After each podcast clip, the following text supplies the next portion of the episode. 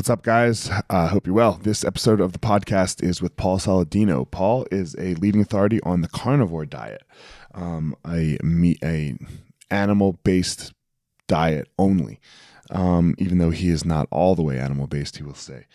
Um, he went that went down this road because he was suffering from some chronic health inf- uh, issues, uh, inflammation, mental health, psoriasis, and the con- no other diet really seemed to solve it, but the carnivore diet did.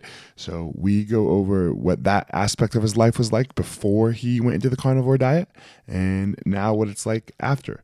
Um, he has his own podcast, the Fundamental Health Podcast, and he wrote his book, The Carnivore Code. So I found it very interesting. Um, it goes against some of the normal medicine that you hear about, but uh, yeah, you know, different perspectives. So without further ado, here we go, Paul Saladino.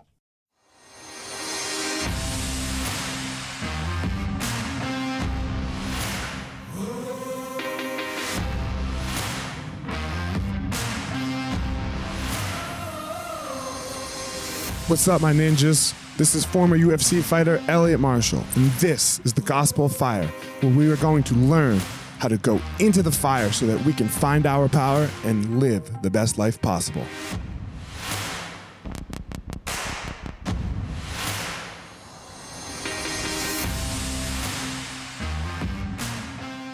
What's up, guys? Elliot here. Um, before we get started, I have started a Patreon account. Patreon is a place where you can go to help support the podcast. Uh, I would greatly appreciate it if you are finding it useful. I have one tier right now um, for the first 50 people. You will get all of the short hitters, all of the little inspirationals on Tuesday, Wednesday, Thursday. They're going to move behind the Patreon, so you, you'll have to subscribe to get them and then also a monthly ask me anything and a recipe and a jiu-jitsu technique uh, will all come directly to you and that's it so patreon.com backslash elliot marshall and thank you all for your help guys look i get it i totally get it you opened a martial arts school and man it's kind of crushing you there's all this other stuff to do other than teach right you love teaching. You love jujitsu. You love Muay Thai. You love karate. Whatever it is you're you're teaching. And man, but there's all this other stuff. There's there's the front desk. There's there's taxes. There's curriculum. There's cleaning. There's there's problems, staffing, covering. Whew, man, it's so much. It's so much. Well, let me tell you, uh, we have started what's called Easton Online, and Easton Online is here to solve all of these problems for you. Easton Online is a digital academy for martial arts school owners and managers. Will help you establish or enhance your business with best practices. Most importantly, we're going to help you get back to what it is that you love most teaching and doing martial arts. Okay, so for more information, guys, go to easton.online. Again, that's easton.online. Add your email. You're going to get notified about the course launches. Our first course is going to be all about the first impression specialists, your front desk, and all kinds of stuff, special offers, promotions, as well as we started a podcast by the same name, Easton Online, that's going to talk about our process of how how we went from a tiny little martial arts school to what is now seven martial arts schools, seven Brazilian Jiu Jitsu Muay Thai schools, um, in a very holistic way that we believe um, kept the integrity of the art and also deals with its people very well. So again, Easton.online, enter your email and you're gonna get all you're gonna get everything you need right there. So thanks, guys. What up, Paul? How you doing? I'm doing good, man. Thanks for having me on. Austin, Texas, yeah. Austin, Texas. Yeah, some of that, man. I had some of that Texas barbecue last week, man. Whew, it was so good.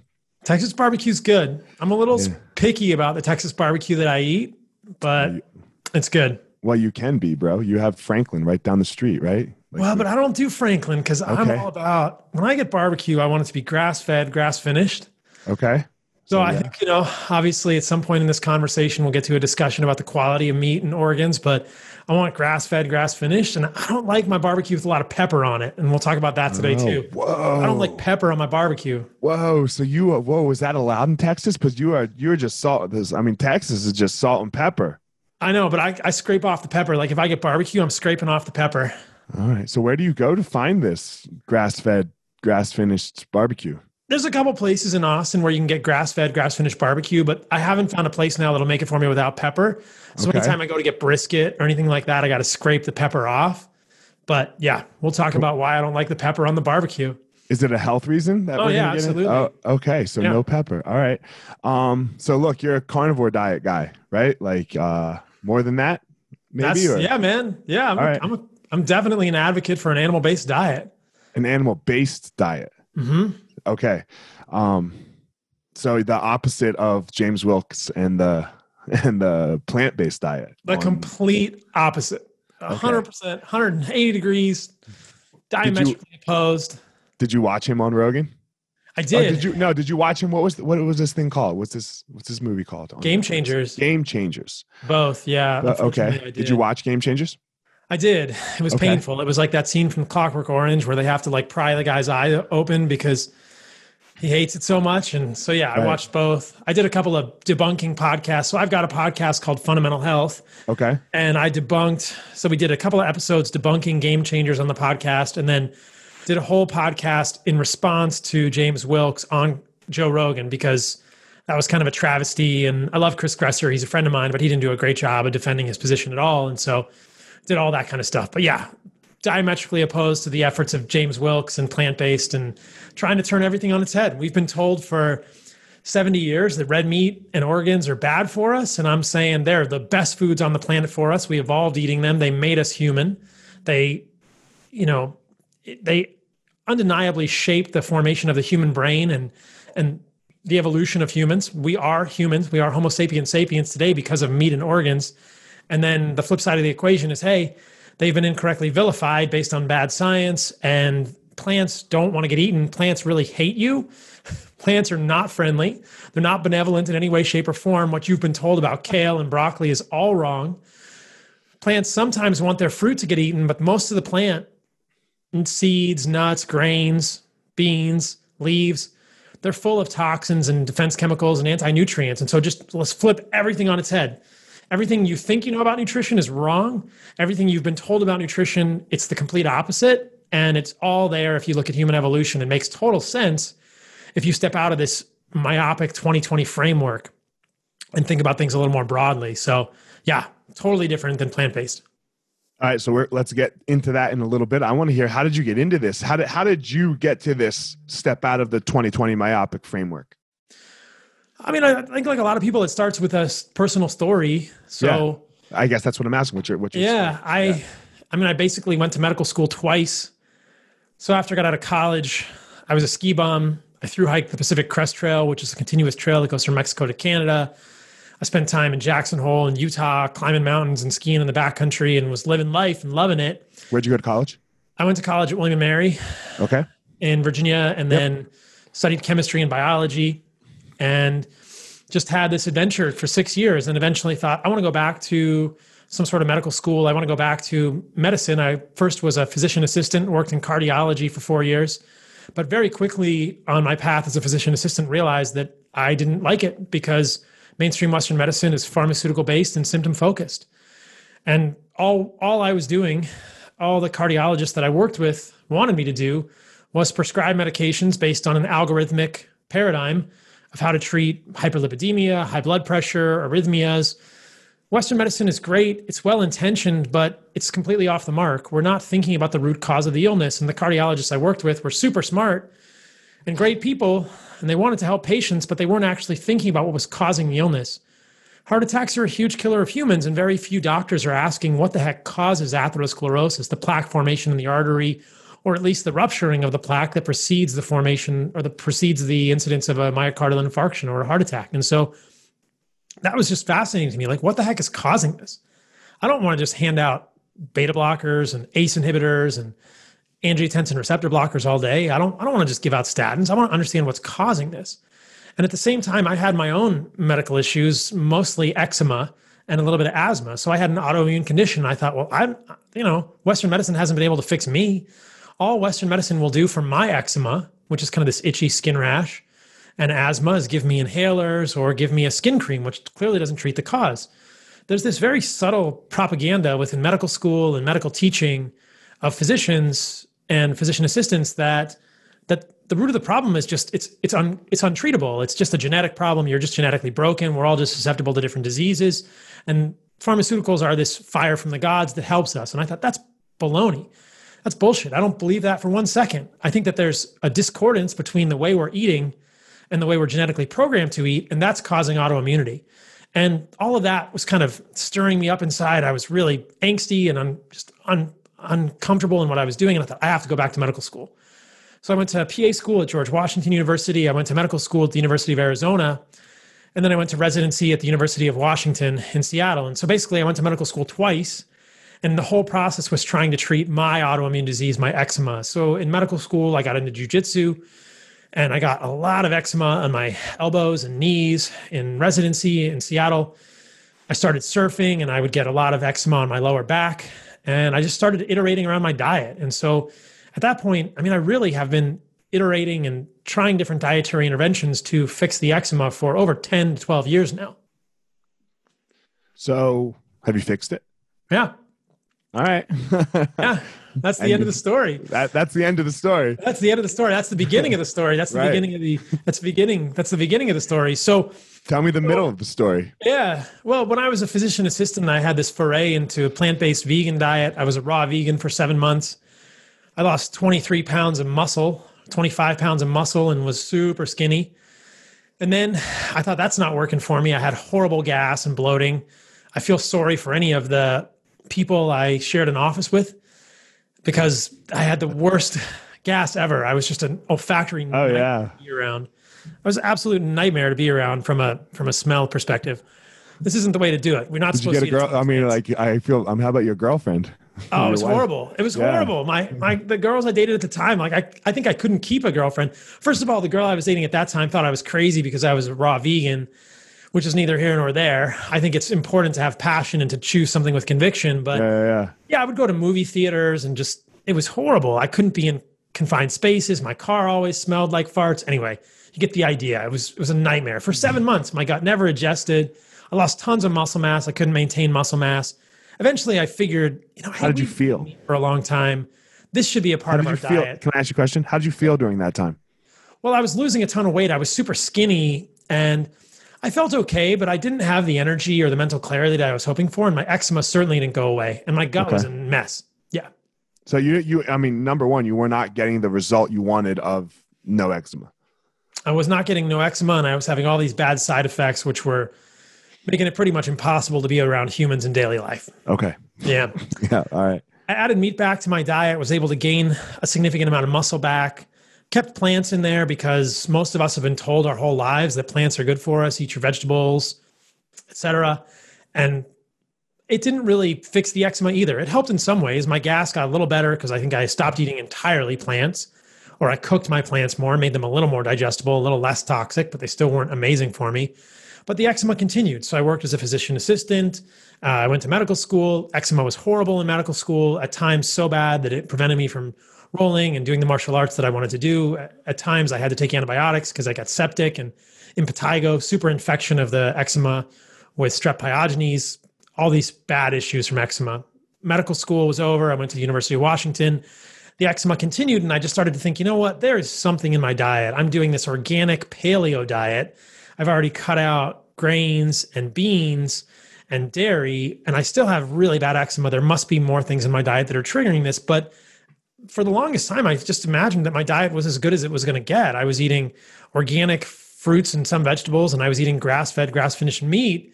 And I couldn't figure out what was causing the problem. But the eczema got really bad. There were times in residency where it was all over my lower back, just weeping. I used to call it my eczema tramp stamp. It was just this huge weeping mess in my lower back. It wasn't fixing anything. And you just start thinking about it and you think, okay, the Paleolithic diet idea starts to say, there are some plants that are not compatible for human biology. They point to grains like wheat or rice and beans, which are totally obvious. I mean, those are foods that humans have not been eating for a long amount of time, and they do have lots of defense chemicals, which we'll get into. But the more I thought about it, I, I, I started to realize like why are we why are we not cutting out nuts and seeds? Why are those getting a pass? And what am I really getting from this kale or broccoli? It usually when I buy it, I kind of force myself to eat it because I've been told it's good for me, but if I really just eat with the way that my body is kind of craving foods, it just sits in my fridge and most of it goes bad in the first place. So you begin to think about the relative values of plant foods versus animal foods in the human diet, evolutionarily, anthropologically, looking at indigenous hunter gatherer cultures, things like this. And you realize, wow, wait a minute. The way that we are prioritizing, the way that we have created kind of this hierarchy of the nutritional value of plants and animals is not the way that other cultures do it. It's not the way that indigenous people do it. It's not the way that currently living hunter gatherers do it. And based on the ethnobotany, the anthropology, and the archaeology that we have, it doesn't look like the way that our ancestors did it either. And so you start to think like, why are we eating plants in the first place? Why are we doing that? And everything starts to kind of fall apart. I realized that a lot of the foundational ideas around the relative values of plants and animals, especially the relative value of plants, were based on sand. They were just made on foundations of sand and they were just really fallacious. They were just fallacy. If you really start to look into it, there's not a lot of science to support humans eating plants for nutritional value. Once I realized that, I thought, well, maybe I should just get rid of all the plants. And so I did. And the eczema went away within two to three weeks. It's never recurred in over two years. And my mental clarity got better, my emotional stability got better. And within a week or two, I thought there is something cool here. I'm doing something that 98% of doctors, at least in 2020, this was 2018, I guess, when I started this, would say is going to kill me. And I feel amazing. Uh, I had no gas, no bloating. My eczema went away. Mentally, I felt better. What is going on here?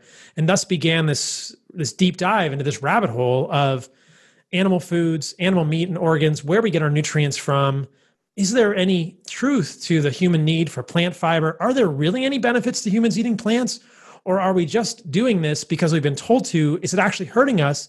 Could many of these plant foods that we believe are helpful for us be causing us harm, be triggering autoimmune diseases like they appear to in my case, and on and on and on. And it's a fascinating place to go because it's so contrary to the status quo.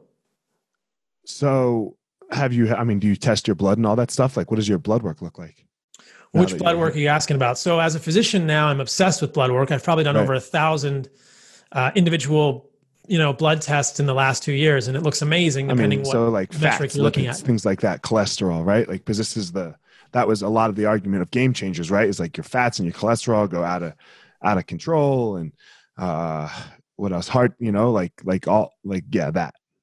I would say. Well, if you start if you start with cholesterol, you have to challenge the notion that LDL cholesterol causes heart disease, and we have to kind of back up and lay the groundwork. Okay. There. So one of the things we know because there's two cholesterols, right? HDL and LDL. Well, there's a lot more than that. There's, all right, there's yeah, there's there's a lot of different types of lipoproteins, and all of those are lipoproteins. They're boats that carry cholesterol and triglycerides through the body from the liver and then back to the liver, and yeah. So if we start with cholesterol, this is a big this is a big beast to take down. So listeners, bear with us here as we explain okay. this. But when we say cholesterol, the technical term cholesterol means a steroid molecule. It's a carbon ring. It's an organic molecule that is a, a ring structure that is a basis for all of the hormones in your body that are steroid based. So if you want to make testosterone or estrogen or aldosterol, aldosterone or cortisol, hormones that are absolutely necessary for human life, you need to make the cholesterol molecule in your body. And you might want to eat some cholesterol in your diet. So we can't vilify cholesterol per se.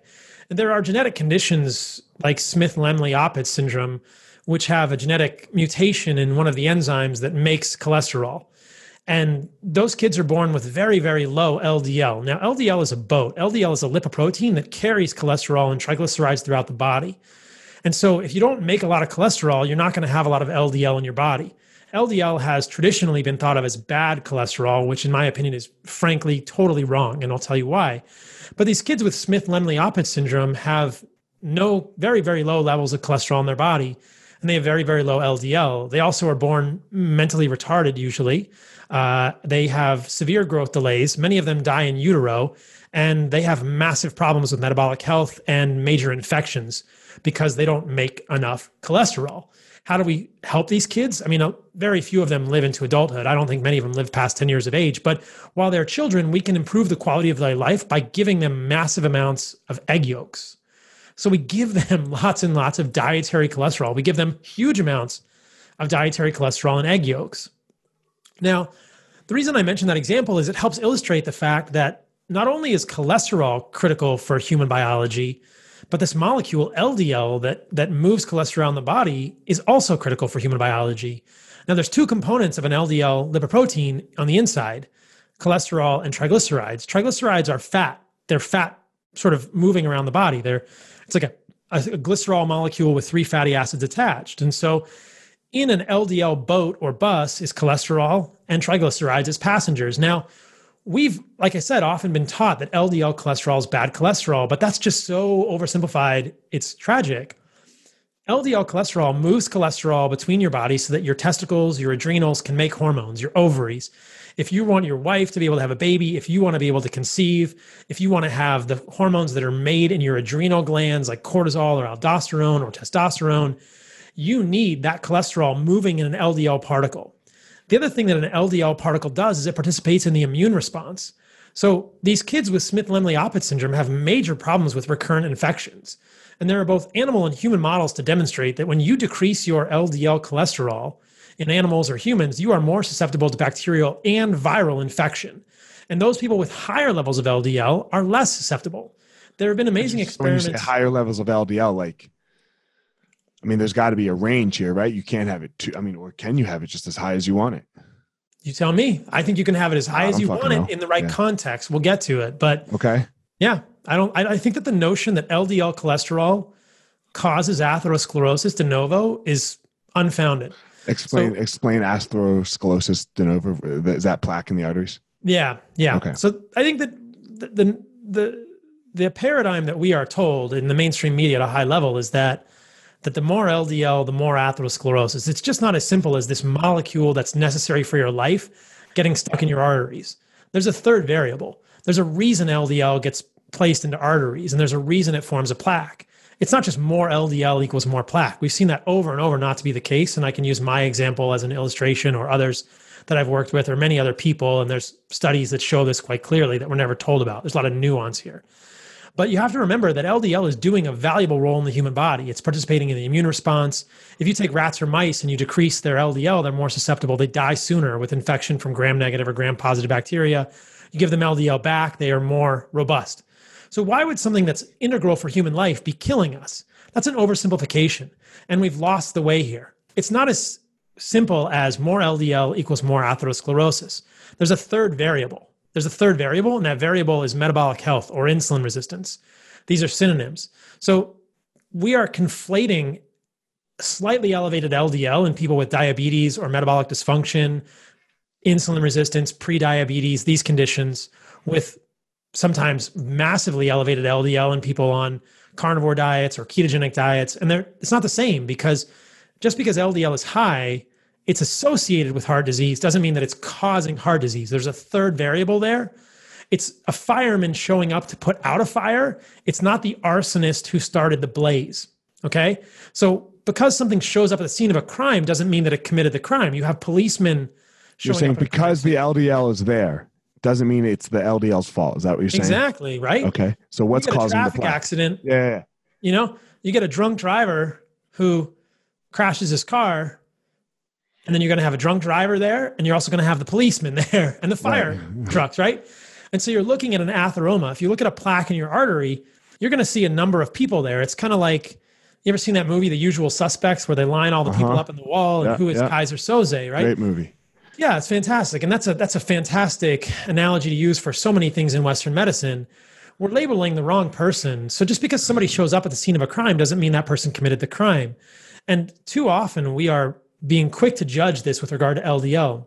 So, my assertion here is if you believe that LDL causes heart disease, then anything that raises LDL is going to be problematic. But if you look within Western medicine and the research that we've done, there are many things that raise LDL that are very healthy for humans, and they're shown to be healthy for humans in other ways. For instance, fasting.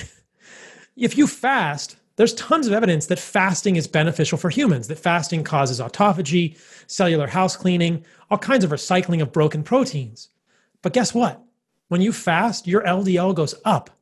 Is your body killing you as you're fasting? That makes absolutely no sense.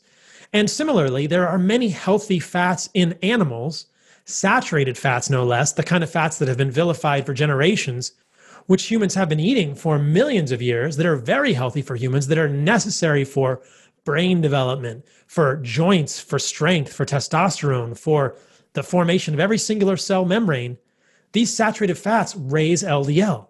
So there are many things that we do that raise LDL that are associated with health and vitality.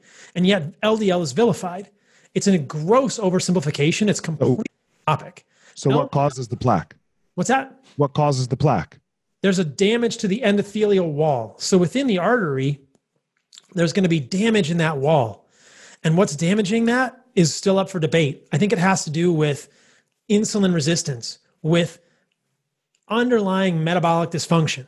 Okay. Prediabetes. It's a more nebulous concept, but basically it's biochemical problems. It's metabolic disease, metabolic dysfunction is what causes the plaque to start growing. So, for instance, this is interesting to think about. LDL, low density lipoprotein, circulates in all of your arteries and veins, but you don't get plaque in your veins ever. Humans never get atherosclerosis in the veins unless they're transplanted into the arterial circulation. So, if LDL causes atherosclerosis in and of itself, why don't we get plaque in the veins? We don't get plaque in the veins because they're a much lower pressure system. And one of the ways that we get atheromas, one of the ways that LDL gets stuck inside of a vessel wall is when the vessel wall gets injured by higher turbulent flow within the higher pressure artery. So it really tells us that the, the beginning of a lesion is not LDL. The beginning of a lesion is endothelial damage. And many things can cause endothelial damage oxidative stress, reactive oxygen species, imbalance, inflammation, and all of those, for most people within Western society, chronic disease, are rooted in metabolic dysfunction, which is a term that's synonymous with insulin resistance today, though I don't love the term insulin resistance. That's essentially pre-diabetes, but that is at the root of this. And you can see this in many studies.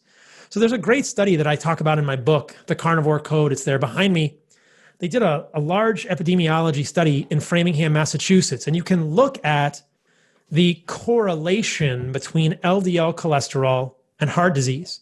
And if you take all comers in that epidemiology study, you will see a correlation between LDL cholesterol and heart disease. Now, correlation is not causation, but all comers, the more LDL you have in your blood, the more incidence of heart disease.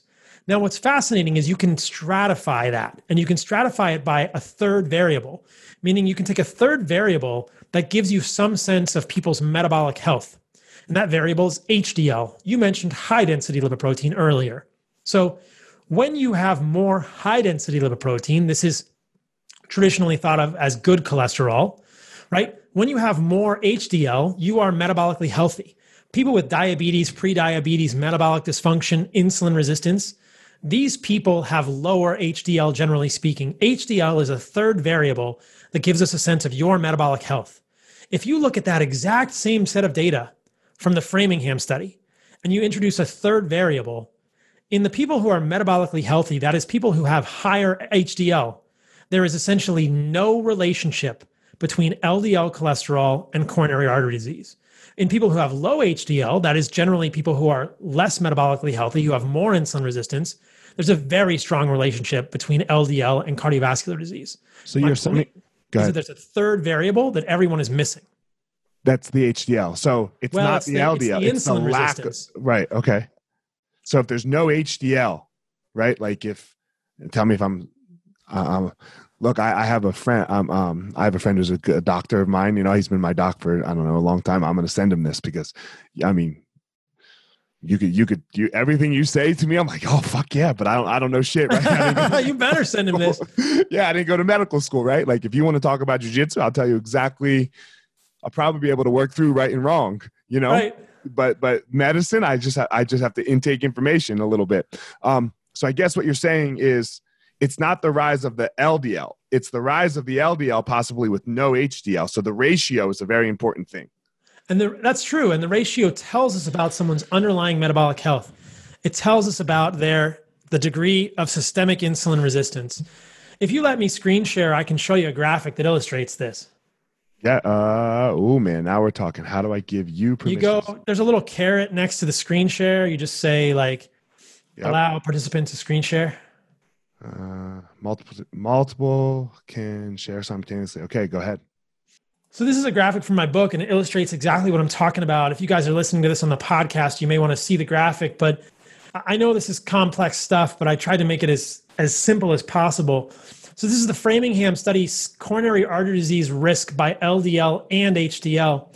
And you see here that when somebody has an HDL of 25, their relative risk of coronary artery disease is much, much higher than when somebody has an HDL of 85. You see how you see how different these curves are? Mm-hmm. There's a mm-hmm. huge difference in the amount of relative risk as you increase LDL based on your HDL. This argues very strongly, I would say this is an incontrovertible argument that there's a third variable that LDL doesn't cause atherosclerosis in and of itself, that the context matters. The context is everything. So you want to be this guy right here. You want to be the guy with a high HDL. And the reason that the high HDL is valuable is because it's an indicator of metabolic health. It's an indicator of insulin sensitivity, which is something that we never really think about that much. So I'll show you the other graphic here just to contrast it. If you don't stratify by HDL, this is what the graph looks like, right? The more LDL, the increasing relative risk of coronary artery disease. But that's why this is so misleading. If you only have two variables, you can be misled. But if There's you put a third variable, variable yeah. it makes a whole lot more sense. and you see yeah, that LDL does not cause heart disease. It's a contextual thing. And so what I would argue is that in the setting of metabolic health, in the setting of insulin sensitivity at the muscles, the liver, at the brain, more LDL is better. More LDL is better. More LDL moves more molecules around your body. It's more hormone precursors. It's more hormone precursors for libido. It's more triglycerides for cells to use. It's more fatty acids for cell membranes. And it's more protection from infections. In the setting of metabolic health, more LDL is better.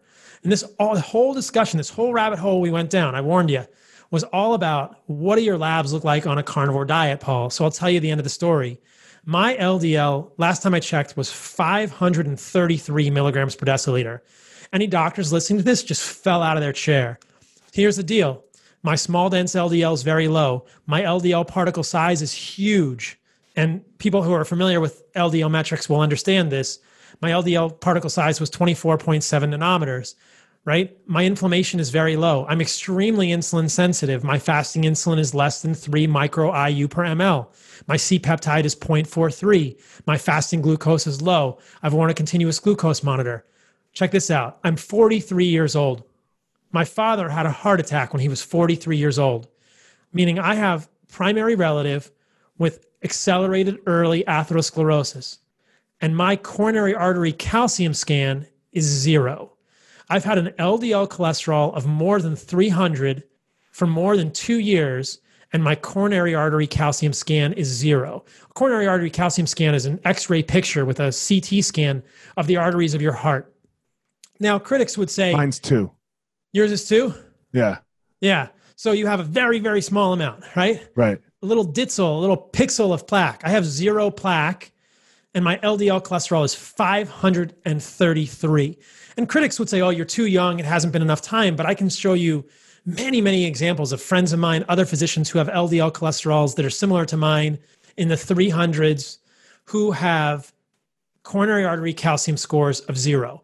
A CAC is not a perfect test, but it's a pretty darn good test. It's not perfect. A coronary angiogram, a CT angiogram would probably be better. Um, and I'll probably get one of those in the future. But I'm not using my data as the only data point here. I'm using it as a corroborating data point to show with the Framingham data. But my assertion, I want to challenge the LDL hypothesis. There is really no good data to show that LDL causes atherosclerosis in and of itself. LDL is associated because it is delivering. It will be there the too. Wall, but it did not cause the fire. So if you want to be healthy, it boils down to metabolic health Every physician in this country should be checking a fasting insulin on their patient. Every patient in this country should wear a continuous glucose monitor. Every single person in this country should have an HSCRP, should know what their inflammatory levels are, their inflammation markers are. Ooh, that is the I context mean, that matters. So yeah, I agree with you. That'd be great, but we can't even get people to fucking not go to McDonald's, man. Well, but look, I'm a doctor. I'm talking about how we train physicians. Right. Every physician should be checking those markers on their patients. If we're talking about people going to McDonald's, we're talking about a whole different problem. But that's most that's most of Americans. Yeah. Well, the reason I mean, people should be allowed to go to McDonald's. It's not my or your, you know, responsibility to tell people how to live their life. Like, of course, I'm about providing tools that people who are motivated can use. I mean, if people want to go to McDonald's, that's your choice. And there are ways that are more healthy and less healthy at McDonald's. I mean, there. I think you could go to McDonald's sometimes and just get a burger patty, and it wouldn't be the end of the world. But here's an interesting question, Elliot. Somebody goes to McDonald's and they get a hamburger, they get a Big Mac, a milkshake, and French fries and chicken nuggets, and they go back to their table. And most people look at that meal and they go, every bit of that meal is bad for them. And I'm going to say, actually, let's actually think about which part of that meal is really causing the problem. McDonald's, I mean, I'm not defending McDonald's. I'm certainly not sponsored by them or anything. And I haven't eaten at McDonald's in over 20 years. But McDonald's beef is all beef. They don't use any additives and they don't cook it in vegetable oil usually.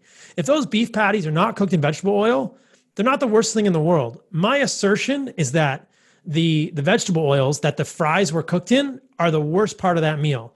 And you know, nobody's going to say that high fructose corn syrup in the Coca-Cola or a bunch of sugar in that milkshake is good for you. It's not very cal- it's not very nutrient rich, but there are parts of that meal that are actually not that bad for them. I'm not saying you should be eating McDonald's patties. I would prefer people eat grass-fed, grass-finished beef. But rather than just saying McDonald's is the problem, let's actually understand which part of junk food is the worst for humans. And that's what's critical. Which part of that meal is really creating diabetes? Right, right. You know, part of it is caloric overconsumption because there's a lot of you're messing with a lot of satiety mechanisms when we go to well, McDonald's. But I'd like right that in that meal that you just described, that was probably like seven thousand calories. Probably. You know, so that's a lot of calories. Like that's a lot of calories, and we're we not burning that. that. many calories. You're, no, no, we know yeah. that for humans, if you are eating processed food, one of the problems is that you are going to consume excess calories because right. those that processed food will hijack your satiety mechanisms. But you know what? Part of that meal they got from McDonald's wasn't processed. That hamburger patty was the least processed thing at that meal. Right, like, right. You know, yeah, so let's be sure. clear. And again, I'm not advocating for that. I'm just saying, like, what is the real problem? The ham- McDonald's hamburger is the least of our problems.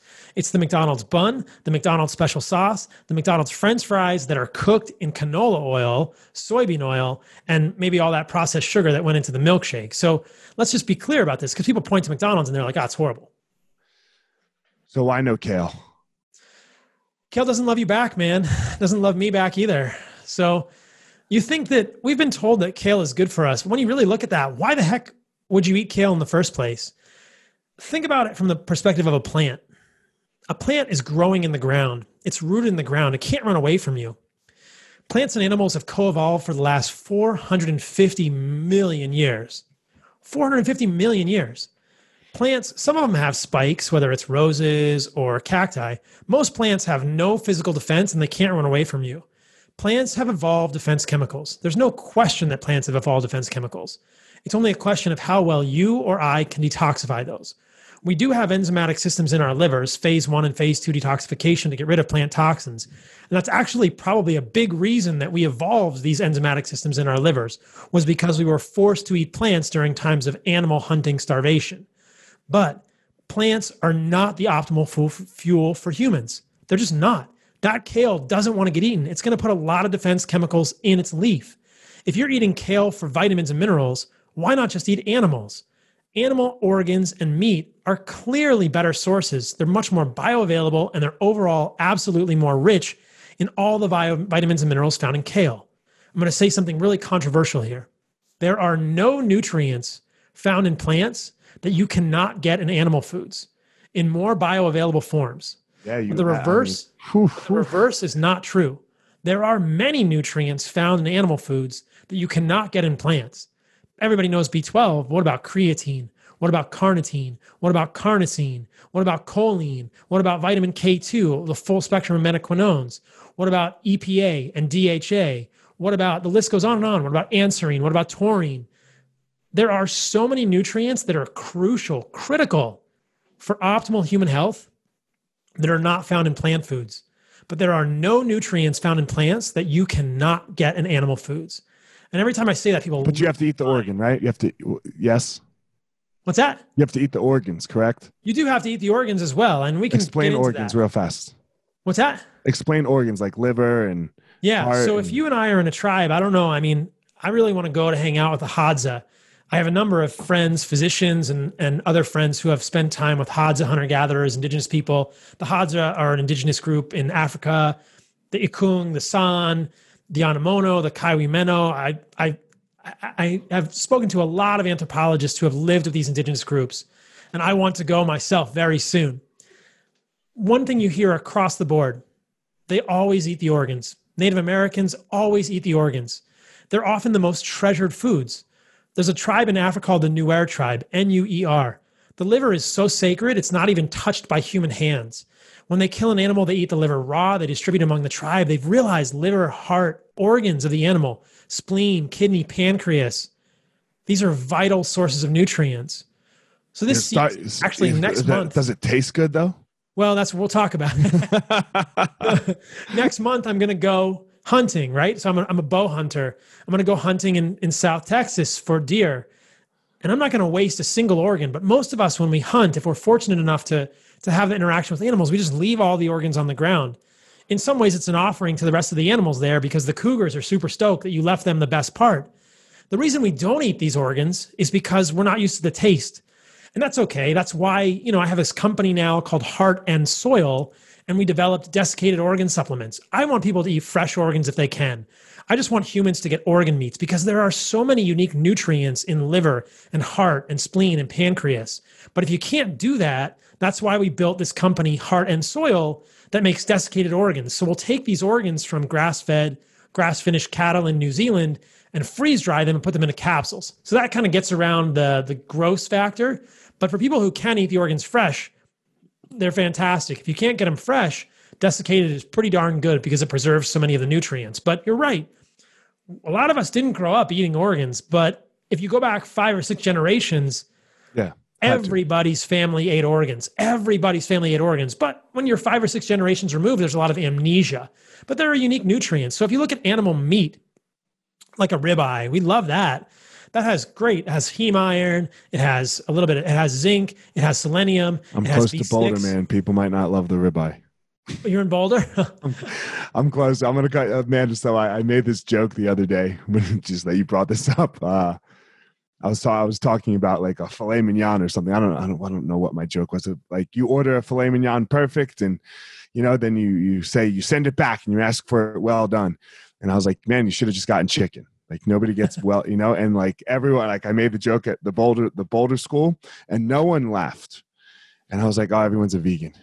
So, so yeah, yeah, and it's scary stuff. We can talk about it. I really worry that that the amount of misinformation out there is going to harm our children and our families, and that a lot of people are doing these plant based diets and are very nutrient deficient all those nutrients I just mentioned that are only present in meat, you cannot get them on a vegan diet. Right.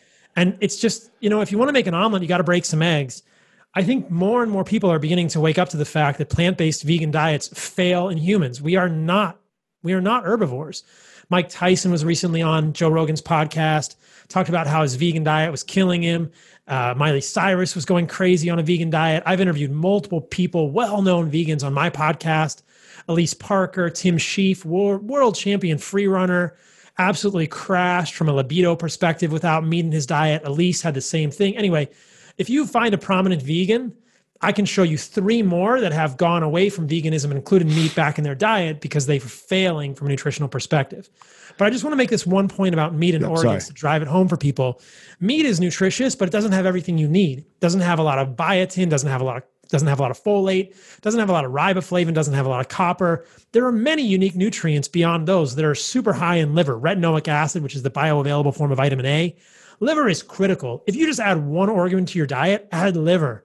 But if you can do something like a beef organs complex, like we make at Heart and Soil, or just bone marrow and liver, you'll get so many more nutrients. And so, one of the things I do is I answer a lot of emails every day from people at Heart and Soil with their questions. And it's so cool to hear people every single day tell me, that they feel so much better including organs in their diet. And I when I did this, when I built this company, I thought about my sister and her kids and my parents and I thought they're not going to eat liver.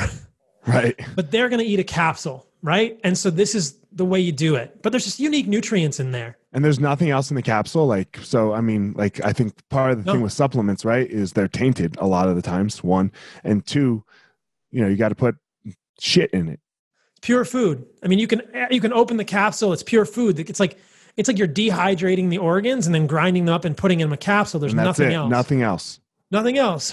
And and, and we freeze dry it, so we're dehydrating it dehydrating it at like 32 degrees, 33 right. degrees. So it's the coldest dehydration you can get to preserve the nutrients. This was going to be my first question. As soon as you earlier on when you said you had a supplement company, now I was like, homie, how got you? You can't have a supplement company and only eat uh, meat because like it's almost impossible. Bless you.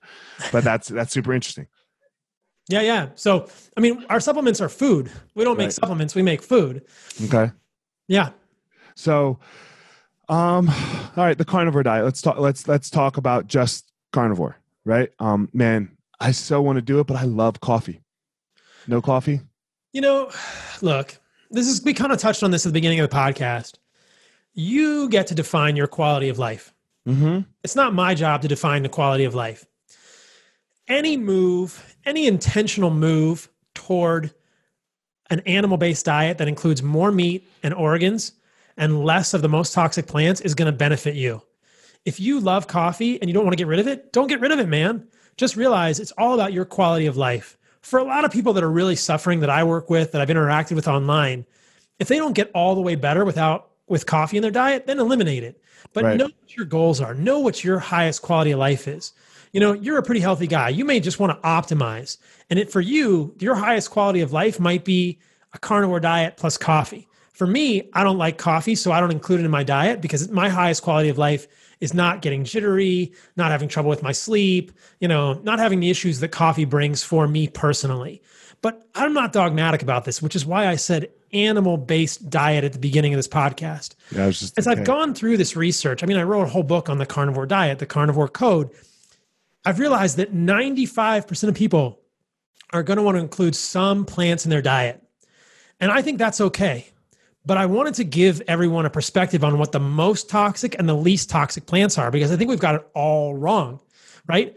We've got it all wrong. And we kind of touched on that, and I'm happy to elaborate on it now. But I think that a lot of people are going to see huge benefits by eating carnivore ish, by eating an animal based diet, which is, you know, making red meat and organs the majority of your diet, and then eating the least toxic plants with that. Maybe 20 or 30% of your diet is plants for color, variety, texture, flavor. What what plants? Go ahead. So if we're talking about, let's start with the the most toxic parts of plants. Think about it like a plant. A plant doesn't want its seeds to get eaten because the seeds are the plant babies. They're the most highly defended parts of the plant. They're the most vulnerable parts of the plant. So seeds are the worst part of a plant. Now seeds is grains, seeds, nuts, and beans. If you cut out those four things, I guarantee anyone with gut issues, gas, bloating, constipation, you will find massive improvements. Those are the worst things we can eat. The seeds. No pasta. Well, yeah, it's a grain, right? And everybody, a lot, most people know that wheat is bad for us because of the lectins and gluten right. and things like that, right? So no pasta, no bread, no rice, no beans, no nuts, no seeds. Got to get rid of those, right? Now, then you think the leaves plant leaves don't want to get eaten either. If a, if a plant has a leaf out there, it's going to be full of toxins. We can dive into the specific toxins in kale. I talk about it in the book. But if you get rid of plant leaves and plant seeds, you're going to be well on your way. Now, there's a couple of different families of plants that are particularly problematic for humans, like the nightshades. These are things like tomato, eggplant, bell pepper. These are from a family called Solanaceae. And these are a whole family of plants that really were toxic forever We've hybridized them to make them semi non toxic, but they generally don't play well with human biology. So, tomatoes, white potatoes, bell peppers, hot peppers, um, eggplant, these things should be out of our diet completely. Now, the other side of the equation is the least toxic parts of plants. And I'll ask you this question because I'm sure you'll be able to understand it with the framework that I've described. What is the one part of a plant that the plant kind of wants you to eat? So the leaf is no good. The seed is no good. I don't know the stem. Well, seasonally, think about seasonally brightly colored things the plant produces that it kind of wants us to eat, like a fruit. Fruit. Yeah. Sorry. Sorry. Yeah. yeah. So now, and this is what's interesting is that if you look at indigenous cultures, the Hadza, the Kawymeno, they'll eat meat and organs and fruit as the majority of their diet. These cultures don't eat vegetables. They don't really go for the stems, the leaves, or the seeds. And this has been documented over and over. There are many anthropology papers I could show you to show to, to support this notion. The Kawymeno in, in the Amazon, they just eat meat and organs and fruit and seasonal fruit. Plants kind of want us to eat fruit. If you've ever been hiking in the woods and you see raspberries or blueberries or huckleberries, blue or you know, or thimbleberries growing wild, our brain sees it and they're like, I could eat that. And I think that our ancestors always have seasonally. And these are really less toxic parts of plants, the fruit. But what are we told is the best for us? Kale. Mm-hmm. Yeah. What are we told is the worst for us? Well, fruit, because it's high in sugar. sugar. Again, turn everything on its head. Turn everything on its head. Fruit is what plant wants you to eat. I'm not saying we should overconsume fruit or that we're fruitarians, but if you want to include plants in your diet, those are the least toxic parts of plants. Now, with that framework, a few more things become very clear. There are many, quote, vegetables that we think of that are actually fruit avocado, olives, squash. So, right now, I've sort of expanded the palette for people. If you want to do a fully carnivore diet and do all meat and organs and fat, that's great. You can do that. But to make it more accessible for people with this spectrum of plant toxicity, you could also include avocado, raspberries, blackberries, uh, peaches, nectarines when they're in season, watermelon, squash, cucumber. That makes it so much more doable doable for people, and I think those are generally the least offensive plant foods. Now, individually, you're going to have dairy? to see what bothers you. What do you do with dairy, milk? So, dairy is an interesting case. Dairy and eggs are sort of asterisks. Evolutionarily, how much dairy do you think humans ate? Not much. Not much evolutionarily, how much how many eggs do you think we ate? Couldn't tell you. Probably not much. Based not many. they're pretty rare, and they're seasonal, right? I mean, birds don't lay eggs all year round. They they're pretty rare, and it's interesting that within the animal kingdom, these are the two foods that trigger people the most.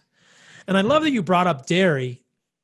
Personally, I did a lot of experiments with dairy because we all know it's delicious. But no matter what type of dairy I do, raw, organic, A1, A2, goat, bison, whatever I, I, my eczema comes back. I clearly react to dairy. It's not the only thing I react to, but I clearly react to dairy. So I think most people should try a period without dairy and see how they feel. And then if you don't think you have any reaction, reintroduce and see if you feel better or worse. A lot of people okay, so- will notice that nagging conditions get better when they get rid of dairy. I've got a guy that I work with here at my company who gets, you know, like he gets like um, uh, acne on his chin and on his neck when he eats dairy, and it takes like three to four days. A lot of these things happen. The same is true with eggs for some people, not everyone. I think eggs are much less offensive than dairy, but the same can be true for eggs because of albumin in the egg white. There's a specific sort of type of albumin in a chicken egg white that can trigger human reactions. So there there is a type of diet that I've sort of built or devised called an autoimmune carnivore diet. So if you have an autoimmune disease, all sorts of things, eczema like me, psoriasis, Sjogren's, Hashimoto's thyroiditis, there's a huge spectrum of autoimmune disease. You could consider making a diet that's red meat from well-raised sources, organs, bone broth, salt, and maybe if you wanted to have a source of carbohydrates, you can include it either as one fruit or honey. But it's a very simple diet that excludes dairy and so eggs. you're okay well. with honey? What's that? Yeah, I'm okay you're, with honey, and I'll tell you why. Yeah. Um, um, before we go, I got two questions for you. Yeah. Um, one, uh, I, I think I have more, so maybe we're not going to go yet. Um, so you you said no oils, right? So, but is avocado oil okay? I'm not a fan of avocado oil because most avocado oil is cut with vegetable oil. Okay, so really what oil? How do you cook? How, like use no, no oil? Use you, you use either no oils or use animal fat. Use tallow. Don't use lard. I'm not a fan of lard because most pork is fed extra corn and soy. Right. And we can talk about how lard gets enriched in linoleic acid. But I'm a fan of tallow. Use tallow to cook if you want Where to. Do you get oil. your tallow? Uh, you can get it from like stores. Like a lot of stores have it, or you can render it. Most people won't won't even need oil to cook. A lot of meat has oil in it. You don't really need oil to cook with. Okay. Um, what was my next? Oh, we got to talk about this pepper thing. With, with oh, yeah, we can. Yeah, yeah, we can wrap it back to pepper. so think about it. What is pepper? It's a plant seed. It's a plant seed, and like all plant seeds, pepper is very highly defended, very highly defended. There's a compound in pepper called piperine, and piperine inhibits a key enzyme in your liver in phase two detoxification. I can tell you the name of the enzyme, but it's super long. It's UDP okay. glucuronyl transferase. anyway, Word. makes me sound smart. Um, so pepper inhibits this enzyme in your liver, and it it causes problems with detoxification. So I don't I don't eat pepper because it's a plant seed, and a lot of people have reactions to pepper they don't know about. You don't want to be inhibiting that enzyme in your liver. It does a lot of important things. Your phase two detoxification system adds molecules to um, toxins that your body's trying to get rid of. Everyone thinks the liver is a filter. Well, the liver is a filter, but then it excretes all the toxins, doesn't store them.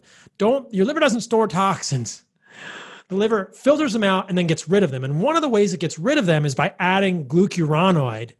And it does that with that enzyme. And so if you eat pepper, it's preventing your liver from doing the detoxification that it's supposed to do. That's not a good thing. That's why I don't eat pepper. So you don't want to eat pepper. It's a plant seed. And no, you never drink alcohol. I don't drink alcohol. It's kind of just a personal preference. Right. It's never served me. I've never had a personal problem with it, but I I really like to kick butt, man. If I'm going to get up and go to jujitsu or hit the punching bag or try and be creative for my podcast or another book I'm working on, I don't want to be hungover. I can be really silly and and I enjoy being with people socially without it. I don't drink alcohol. If you wanted to drink alcohol, no, it better be your highest quality of life. Know that it's gonna you're gonna suffer for it. Right. And I think that the clear alcohols are better. So distilled spirits rather than things like beer and wine. Right. Wine has a lot of mold toxins and pesticides. Wine has sulfites. Beer has all the grains, a lot of mold in it. If you wanted to drink alcohol, something like vodka, uh, uh you know, would be better.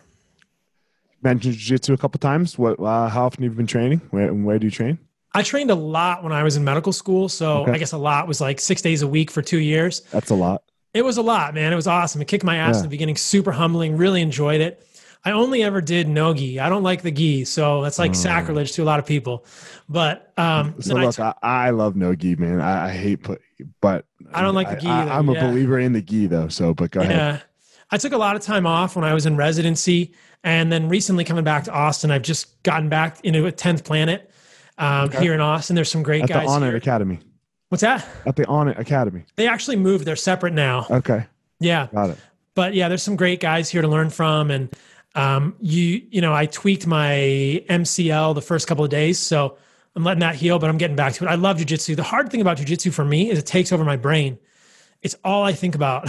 so obviously, I've got a lot of things to think about as I'm trying to help people communicate messages and make this message more clear and do this scientific research. But of course, I'd love to get out and be active. I've got a gym in my backyard with a, a, punching bag that I hit every day when I can't get on the mats. But I love right. jujitsu. It's just like kinetic chess. Fuck yeah! I mean, I've been doing it. Yeah, it's my life. So um, I get it. Yeah, it's it's. I mean, it's what I, it's how I make a living. so I get um, it. Yeah, it's uh, man, it's good to talk to you. Thanks for coming on the podcast. Um, tell everyone where they can get your book and and and your and your supplement company again. So the best place to find me for everything is heartandsoil.co.co. Heartandsoil.co. Um, my book is there. My podcasts are all there. Everything is there. The supplements are there. And if you want to email me, you can email me Dr. Paul, Dr. Paul at heartandsoil.co with questions. And it's been great coming on, man. We have so, we only scratched yeah. the surface, bro. We got so much more to talk about. I'm probably I'm uh, I'm gonna force you to give me your phone number when we hang up, so that's not recorded. But I I'm gonna have follow up questions, man. Because I'm not absolutely I'm not yeah yeah. Leave this one, I'm not gonna leave this one alone. Yeah yeah. They do, can do you have a place me, Instagram or anything or at Carnivore MD? At Carnivore MD. All right, mm-hmm. sounds good. Yeah, it's all listed um, on the um, website heartandsoil.co, heartandsoil.co. And you asked about honey. Yeah, I mean, honey is something that's treasured by the Hadza. Our ancestors okay. have been eating honey everywhere in the world where honey. honey grows where honey grows, where honey's made, humans made, eat it. Right. Right. Yeah, okay. it's not bad for humans. And there's so much nuance there with the the sugars and everything, but it's a non-processed sugar, very helpful for humans. The key, so I'll just give people these takeaways because I talked about a lot. We kind of had this meandering thing. The key is remembering three things. That red meat and organs are the centerpiece of the human diet. These have been a part of our diet for 4 million plus years. They shaped our evolution. They're integrally they're integrally important for human health they're not bad for you. If you believe they're bad for you, you're listening to bad science And I've talked about it all in the book. It's it's not true. There's no good science to show that red meat and organs are bad for humans. Include them in your diet if you want to thrive. Number two, plants exist on a toxicity spectrum. They, if you eat the less toxic plants, you'll thrive. If you eat more toxic plants, you're always going to be hampered by problems. And everyone has an individual sensitivity to different plants. Number three, this is really important seed oils, processed seed oils, corn, canola, safflower, peanut, sunflower. These are horrible for humans. Eliminate from them from your diet religiously. Get rid of those oils and be careful to not have lots of those things in your diet, and you will do much better. Paul, thanks, man. I appreciate you coming on. Absolutely, brother. Thanks for having me. All right, guys, that's it. As always, Paul has his unique power. I have my unique power. Don't go try to be Paul and don't try to be me. You go out there and you find your power. All right, everyone, thanks for listening to this episode of The Gospel of Fire. If you enjoyed the episode, I'd love a review on iTunes or wherever you are listening to this podcast. Don't forget to follow me on social media at FireMarshal205. If you are a BJJ enthusiast, check out my YouTube channel. I put all kinds of instructional DVD uh, videos out on there, so go check it out. My book is still out on Amazon by the same name as the podcast, The Gospel of Fire. So if you are interested, go check out that. And most importantly, guys, go out there every day, find your power. Thanks a lot.